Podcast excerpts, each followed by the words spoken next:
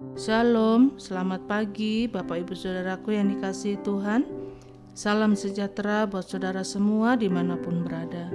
Saya kembali mengajak Bapak Ibu Saudara untuk bersaat teduh dan berdoa Dalam renungan penuntun kehidupan setiap hari. Kiranya damai, sejahtera, dan sukacita oleh Roh Kudus senantiasa melimpah di dalam hati dan kehidupan kita semua. Tema renungan penuntun kita hari ini mengatakan kebenaran. Ayat bacaan kita terdapat di dalam Galatia 4 ayat 12 sampai 20 dan di dalam ayat yang ke-16 17 berkata demikian. Apakah dengan mengatakan kebenaran kepadamu aku telah menjadi musuhmu? Mereka dengan giat berusaha untuk menarik kamu, tetapi tidak dengan tulus hati karena mereka mau mengucilkan kamu supaya kamu dengan giat mengikuti mereka. Bapak Ibu Saudaraku yang dikasihi Tuhan, di dalam Amsal 18 ayat 21 berkata, Hidup dan mati dikuasai lidah. Siapa suka menggemakannya akan memakan buahnya. Lidah berarti sesuatu yang sangat menentukan dalam hidup kita karena dengan perkataan kita bisa membawa seseorang untuk memiliki banyak sahabat, tetapi dengan perkataan juga bisa membuat kita akan kehilangan banyak sahabat. Nah, Bapak Ibu Saudaraku yang dikasih Tuhan, dengan mengatakan kebenaran, bisa saja itu menyenangkan hati orang. Tetapi sebaliknya, dengan mengatakan kebenaran juga bisa menyakiti hati banyak orang. Orang bisa dipuji karena mengatakan kebenaran, tetapi orang bisa dimaki karena mengatakan kebenaran. Orang bisa diterima karena mengatakan kebenaran, tetapi orang dapat ditolak karena mengatakan kebenaran.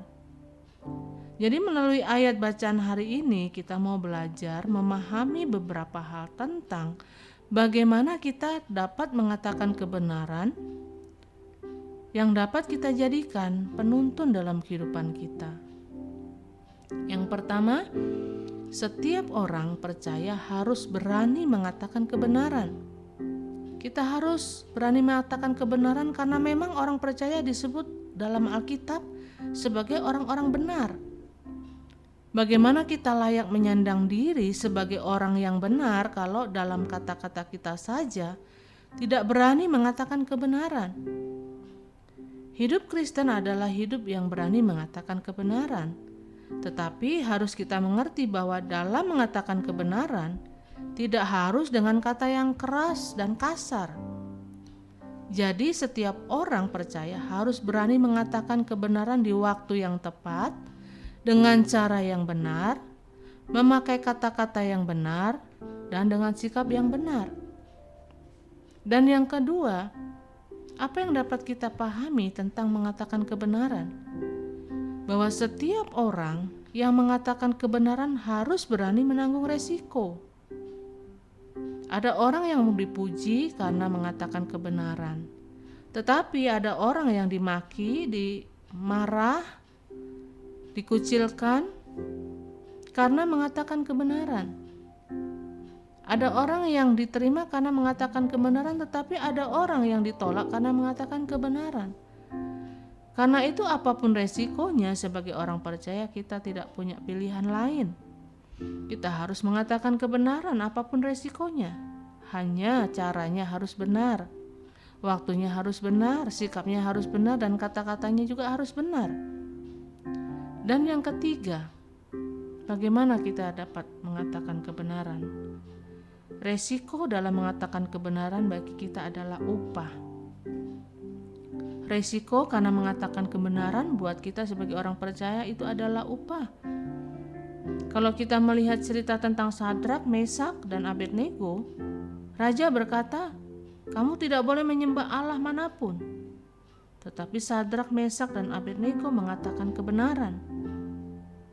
Dan ada resiko yang mereka harus tanggung tetapi kita percaya bahwa setiap orang yang mengatakan kebenaran memang akan menghadapi resiko. Tetapi percayalah bahwa kita pasti akan melihat pembelaan Tuhan atas hidup kita. Karena itu jangan takut dengan resiko yang akan kita terima. tetapi percayalah bahwa di balik kebenaran itu ada kuasa Tuhan yang bekerja, ada upah yang menanti kita, tetapi di balik kepalsuan yang ada hanya kegagalan dan air mata. Jadi Bapak Ibu Saudaraku yang dikasih Tuhan, hari ini kita ditantang dalam kondisi apa pun, dalam kondisi bagaimanapun, katakanlah kebenaran. Karena di balik kebenaran selalu ada kuasa kemuliaan Tuhan yang luar biasa. Kalau kita jadikan kebenaran itu menjadi landasan hidup kita, maka kita akan berjalan dalam kepastian, kemenangan, dan mujizat setiap hari. Amin. Mari kita berdoa. Terima kasih Tuhan buat pelajaran penting yang kami terima dari firman-Mu hari ini di mana kami ditantang untuk selalu mengatakan kebenaran dalam hidup kami. Dan kami juga mau belajar untuk hidup benar di hadapan Tuhan, sehingga apa yang kami katakan itulah yang kami hidupi. Kami menjadi orang-orang benar yang berani mengatakan kebenaran, yang tidak takut dengan resiko apa pun yang harus kami tanggung, karena kami percaya di balik setiap apa yang kami kerjakan, dengan mengatakan kebenaran, dengan hidup benar, kami akan menerima upah yang Tuhan sediakan buat setiap kami. Tuntun kami, mampukan kami ya Roh Kudus untuk kami berjalan di dalam kebenaran-Mu. Di dalam nama Tuhan Yesus kami berdoa. Haleluya. Amin. Kiranya berkat yang sempurna dari Allah Bapa kita, kasih karunia dari Tuhan Yesus Kristus dan persekutuan yang indah dengan Roh Kudus menyertai kita semua dari sekarang ini dan sampai selama-lamanya. Maju terus dalam tuntunan Tuhan, tetap semangat, sampai jumpa esok hari dalam penuntun kehidupan setiap hari, dan Tuhan Yesus memberkati.